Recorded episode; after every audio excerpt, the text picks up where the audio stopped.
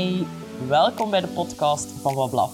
Ik wil jou inspireren om anders samen te leven met je hond, anders te kijken naar opvoeding en ik wil hen vooral een veel luidere stem geven.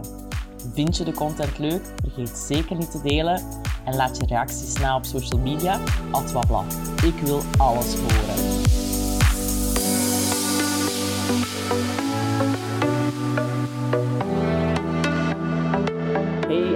Welkom bij de podcast van Bewuste Hondenmoeders. We gaan het vandaag hebben over het taboe rond rouw en verlies bij mens en hond.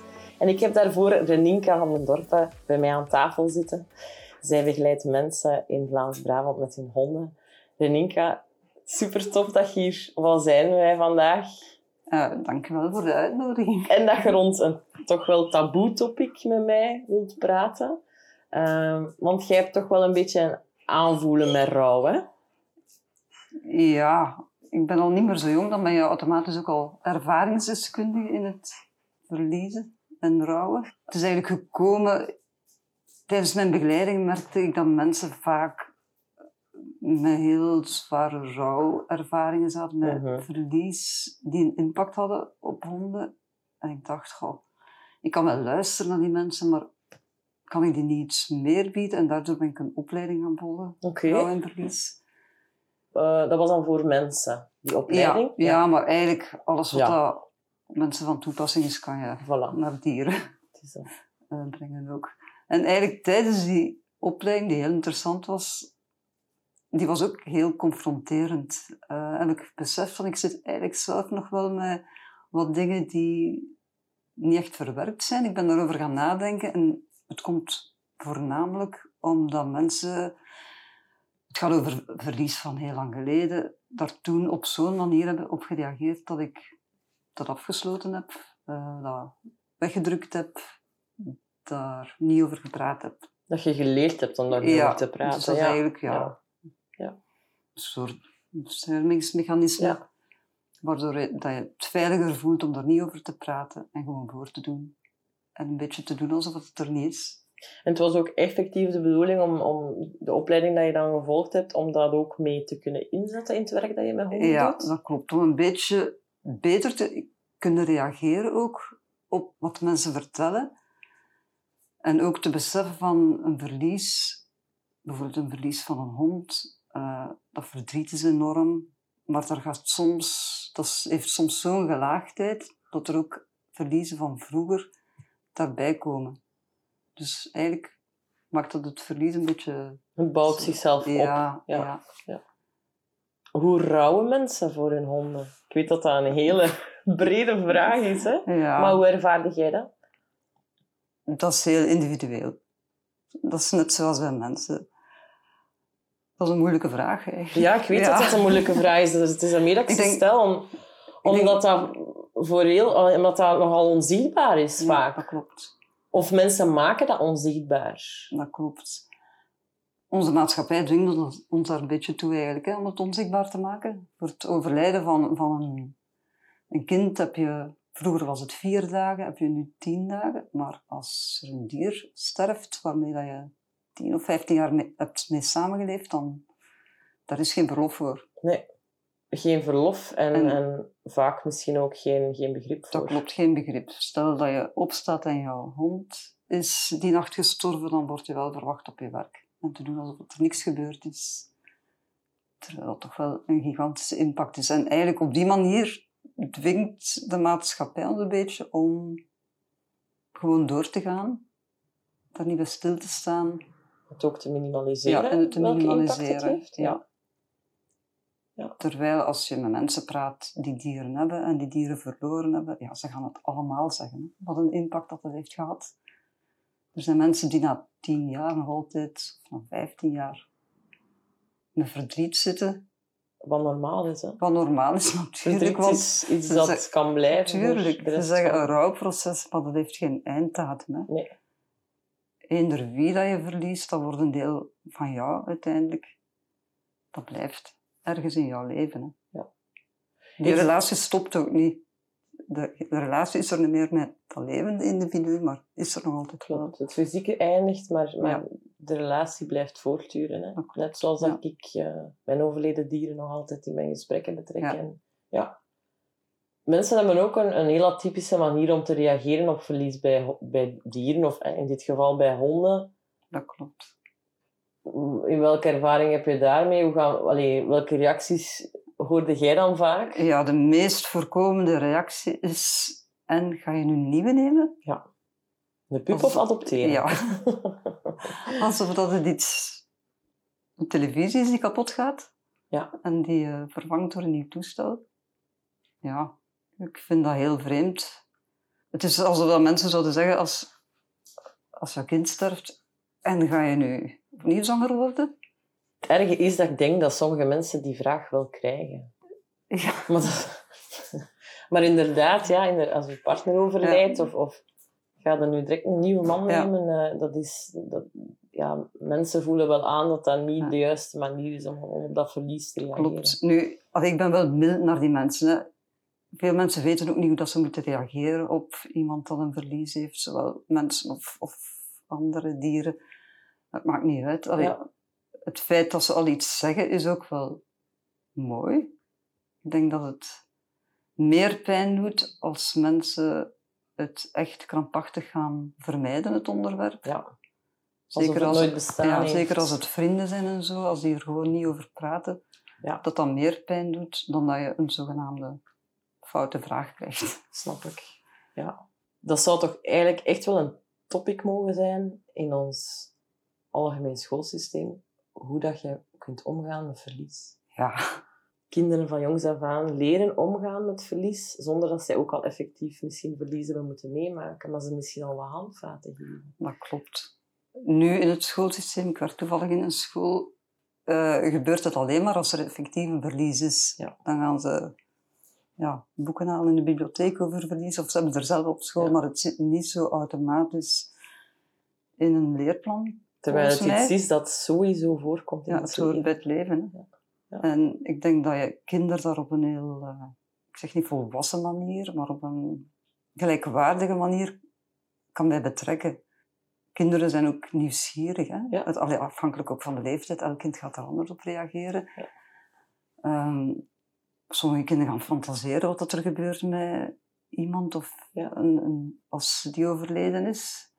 Maar als er vragen zijn, antwoord daar gewoon ook eerlijk op. Want wat gebeurt er? Stel, een gezin verliest een hond. Ja. Ehm, wat gebeurt er met die andere gezinsleden, die andere honden die misschien in het gezin aanwezig zijn? Hoe maken zij rouw mee? Ik denk dat dat even verschillend is als hoe dat mensen rouw meemaken. Er zijn honden die, als een hond thuis sterft, eventjes gaan snuffelen.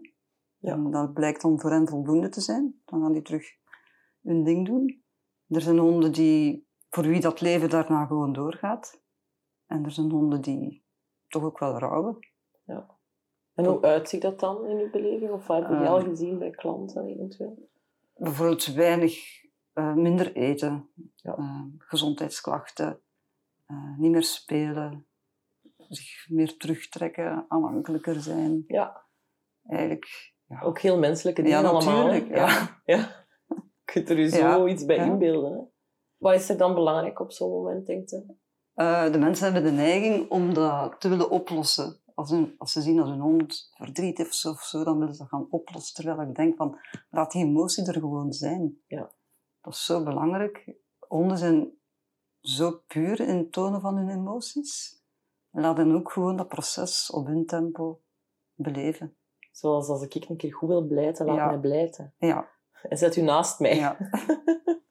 en pak dat mij om te zo, drinken. zo belangrijk in een rouwproces. Laat Ja. eender welke emotie er gewoon zijn. Ook al is dat woede, ook al is dat schuldgevoel. Het zijn allemaal verklaarbare emoties. En niet elke emotie gaat zich bij elk rouwproces voordoen. Ja. Ehm, als je dat kan, luister gewoon naar mensen.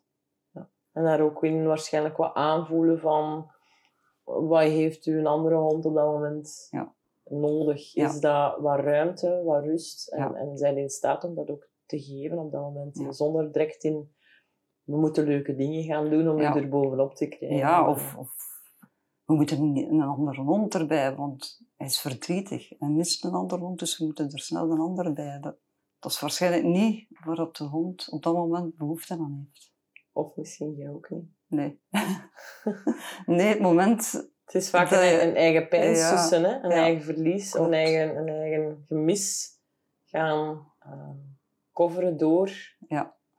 blijdschap om iets anders. Ja, en dan merk ik in de ondersteuningen soms die ik geef, dat mensen eh, een pup hebben en dat het gesprek eigenlijk gedomineerd wordt over de hond die overleden is. Ja.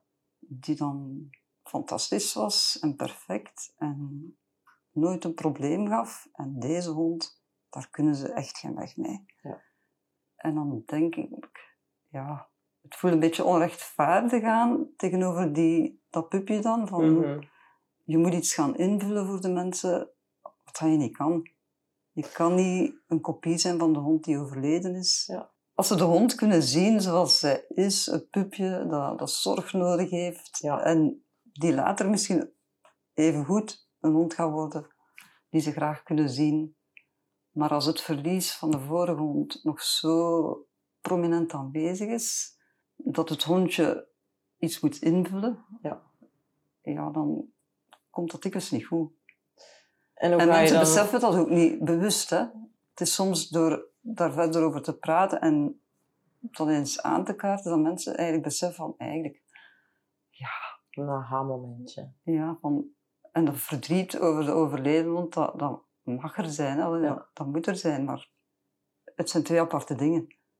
En is het dat aha-moment dat, dat die mensen dan echt op weg helpt in die relatie met een nieuwe pup? Of is er iets anders waar dat je moet gaan, gaan naar kijken of mee aan de slag gaan op die... Ja, ik probeer hen gewoon die pup te laten zien zoals hij is. Een Ja. individu met eigen noden, met emoties. Of je En dat- probeert het te splitsen van Ja. elkaar? Maar ik geef hen ook wel ruimte om over een overleden hond te praten. Ik vind dat Ja. echt wel belangrijk. Ja, dat die twee naast Ja. elkaar kunnen bestaan. Ja, mooi. En dan soms tijdens het gesprek komt het, maar ja, eigenlijk, die hond, ja, die beet toen toch ook wel dingen stuk. Dan komt het plots Ja. terug naar boven. Ja. Klopt. Er is wel een beetje een evolutie aan de gang hè, in, in, in hoe wij rouwen of mogen rouwen. Misschien nog niet zozeer maatschappelijk in hoeveel tijd dat we krijgen om te rouwen. Maar bijvoorbeeld, Diesel is dit jaar overleden en ik had de mogelijkheid om haar te laten cremeren, maar ook om haar te laten opbaren, Ja. zodat we nog een laatste groet konden brengen, dat eventueel andere mensen nog eens haar konden zien. Mijn honden hebben ook nog eens kunnen eh, gaan kijken, omdat zij niet meer eh, gezien hadden. Ik vond dat heel waardevol. Ik denk dat daar nog meer op ingezet mag worden, in hoe mensen mogen rouwen om hun dieren. Ja. Het is nu toevallig, toen ik naar hier reed, luisterde ik naar de radio. Het ging over de geschiedenis van de koffietafels. En ik hoorde dat er nu ook koffietafels zijn voor overleden dieren. En ik dacht, oh, ja, waarom niet? Want het crematorium is meestal maar bestemd voor de, de familie. Maar jouw hond kan in zoveel mensen hun leven iets betekend hebben. Dus waarom niet? En als dat jou helpt in jouw proces. Maar ook omgekeerd, wil je jouw hond niet laten opbaren, geen koffietafel doen. Ook goed, hè? Ook helemaal oké, ja. Er is geen handleiding van hoe dat je moet trouwen. Nee, ik denk dat het vooral van belang is dat iedereen daar een eigen keuze in kan maken. Ja. En dat dat zonder, echt vanuit jezelf komt, zonder rekening te houden met vooroordelen of oordelen of opmerkingen. Dat je Ja. echt doet wat je zelf wilt. Klopt. Het kan helpen door daar eigenlijk op voorhand al eens over na te denken. Als je hond nog helemaal gezond is, van wat ga ik doen als de dag komt? Want op het moment zelf, dan ben je meestal niet... Ja, dan ben je heel emotioneel en dan moet Ja. je, als je dan moet gaan zoeken naar een crematorium of gaan denken, wat laat ik doen? Wat ga ik doen? Is het soms veel moeilijker. Ik heb dat ook zo beleefd. Het moment dat, eh, dat het moment daar was en dat ik ze dus achter moest laten bij de dierenarts. Dat is een moment van, ja, je zit op een andere weg. Allee, je, zit, je zit met je hoofd ergens anders. Hè. Je beleeft dat wel, maar eigenlijk ook niet. Je treedt een beetje vanuit paniek en heel alles wat gebeurd is. Um, treed je zo wat uit jezelf of zo, waardoor dat je niet altijd heel praktisch en nuchter naar dingen kunt kijken. En de standaard optie daar is, ze worden opgehaald om naar het crematorium te brengen en je krijgt eigenlijk de assen terug bij de dierenarts. En ik ben heel blij dat ik op dat moment was dat ook het plan. En ik heb denk ik ja, een half uurtje later als ik thuis kwam en dat allemaal een klein, klein beetje gezakt was wat er net gebeurd was, heel snel de telefoon gepakt van wacht, als we haar ophalen wil ik eerst dat ze opgebaard wordt. Dus dat was zo... Ja. Ja, ik stapte uit dat moment van paniek of verontwaardiging of hoe dat je het ook mocht noemen. En dan kon ik even voor mezelf wel nadenken van oké, wat wil ik nu uh, doen?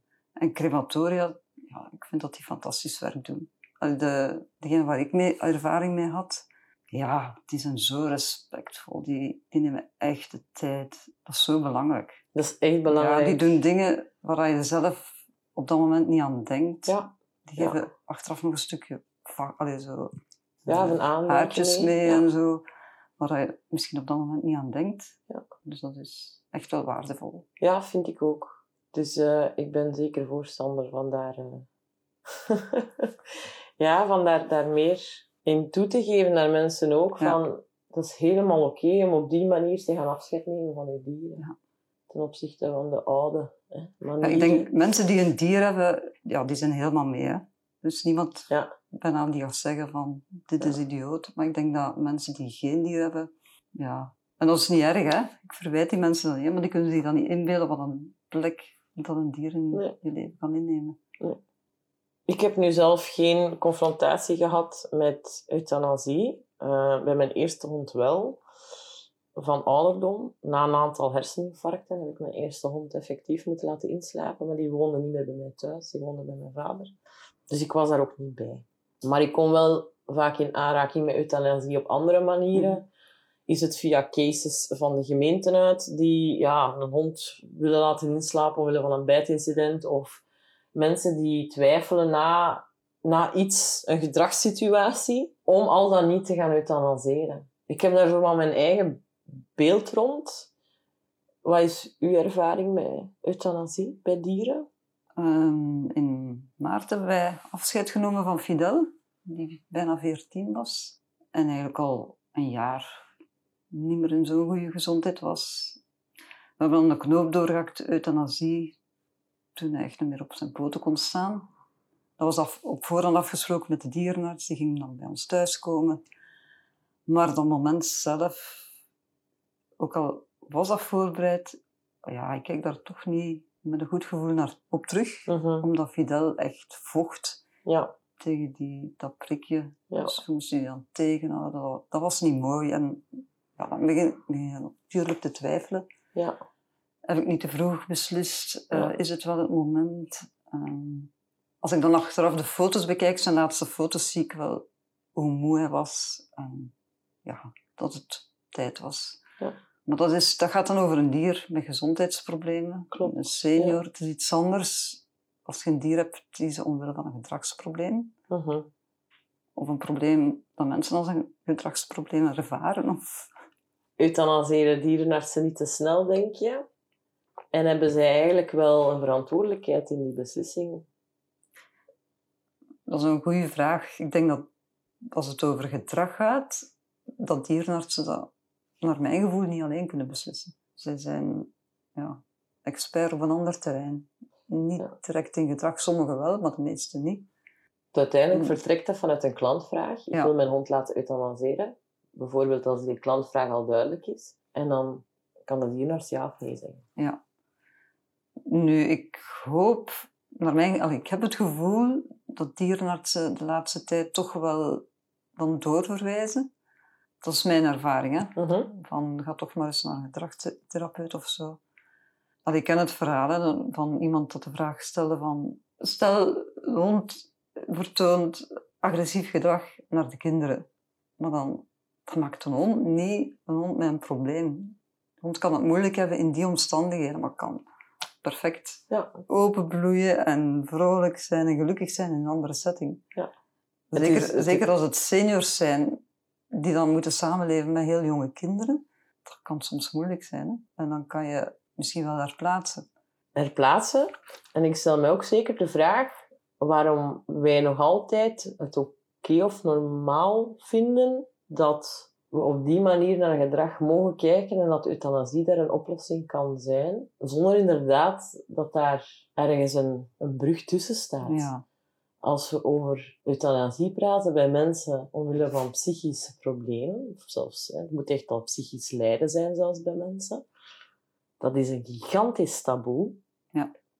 Dat is ook immens moeilijk om te verkrijgen. En bij honden is dat gewoon een telefoontje plegen. Klopt. En dat verbaast mij gewoon heel hard. Ja. Dat dat zo makkelijk is om die keuze te maken voor een ander, zonder dat daar vanuit andere invalshoeken naar hoeft gekeken te worden. Ja. Wat dat mij ook opvalt, en dat, ik denk dat dat zelfs nog een groter taboe is, is dat mensen die een hond herplaatsen, dat die ook kunnen rouwen. Zeker. Want vaak worden die gezien als mensen die van hun hond vanaf willen. Maar ik werk samen met Kirafiki, dat is een organisatie die honden herplaatst. En wij, bege- wij begeleiden dat proces van, ja, van begin tot einde. Dus wij gaan ook eerst bij de mensen die de hond willen afstaan. En voor ze die stap nemen om ons te contacteren, daar is al zo'n proces, proces aan vooraf gegaan. En bijna altijd gaat dat gepaard met tranen, met schuldgevoelens, met, met alle emoties die bij een rouwproces ook horen. Ja. Hoe begeleid je zo'n herplaatsing dan? Vanuit welk standpunt ga je die mensen dan begeleiden? Ik heb al vaak gezegd, loslaten is ook graag zien. Want zij voelen zich vaak schuldig van, ja, ik kan hem niet houden. En oh, ze voelen zich gefaald. Maar soms komen mensen in omstandigheden die ze nooit hadden kunnen voorzien toen die hond bij hen kwam wonen. En wat is dan het beste? Je hond, ondanks alles, bijhouden en misschien de rest van zijn leven te isoleren? Of hem een nieuwe kans geven in een ander gezin? de gevallen die ik begeleid heb, ja, dat, de keuze dan snel gemaakt is. Ja. Ik denk dat als het gebeurt, dat het alleen maar belangrijk is dat mensen daar meer en meer in begeleid kunnen worden. Ja, dat klopt. Dat het volledig ondersteund kan Ja. gebeuren. Ja. Op die manier vermijd je dat mensen via Facebook een hond gaan herplaatsen. Of weggeven. Of euthanaseren. Of euthanaseren, ja. Ik denk dat daar ook Ja. al een heel grote, ja, ik wil reddingsactie zeggen, maar ja, soms is het wel een redding hè, ja. voor dat dier en voor die mensen misschien Ja. ook. ook. Linka, als we kijken naar rouw en verlies, wat is voor jou het belangrijkste inzicht dat je door ja, die ontmoetingen met mensen en, en de verhalen die je gehoord hebt, wat is voor jou het belangrijkste inzicht dat je daaruit hebt meegenomen? Al de verlieservaringen die je meegemaakt hebt in de loop van die jaren, dat maakt eigenlijk wie dat je bent. Een proces dat voortdurend in verandering is eigenlijk. En zo'n belangrijk proces. Ja, Iedereen maakt het mee. Ja. En als je dat verdriet, als dat er mag zijn, als dat niet onderdrukt wordt, als je dat niet uit de weg gaat, dat is zo waardevol. Ik ga er heel even zo sec de... Wat dat Van Dalen zegt, dat rouw is. Rouw, schrijft Van Dalen, is een geheel van reacties op het verlies van iets of iemand waar je een betekenisvolle relatie mee had. En ik vind dat zo te weinig Ja, die relatie blijft. Ja. Houden van, dat stopt, dat stopt eigenlijk niet na de dood. Hè. Je blijft het dier dat je, eh, dat je verloren hebt, dat blijf je graag zien. ja je, dat hebt blijft een, gewoon een deel van jou. je hebt een leven Ja, voor, en- tijdens en na. Ja. hè. Ninka, ik vind het heel waardevol welke boodschap dat je brengt, ook wat dat je doet in je werk met honden. Dus ik wil je super hard bedanken om dit met mij op een podcastaflevering te zetten. Jij bedankt voor de uitnodiging. Ik vond het heel spannend. Ja, maar ik heb, er, ik heb wel meer mensen die dat super spannend vinden. En zoals je gezien hebt, ik vind dat Ja. ook nog altijd spannend. Des te meer bedankt voor je komst. Graag gedaan. Bedankt om te luisteren. Nu nog iets meer naar onze honden en dan zijn we op weg naar een betere wereld. Salut!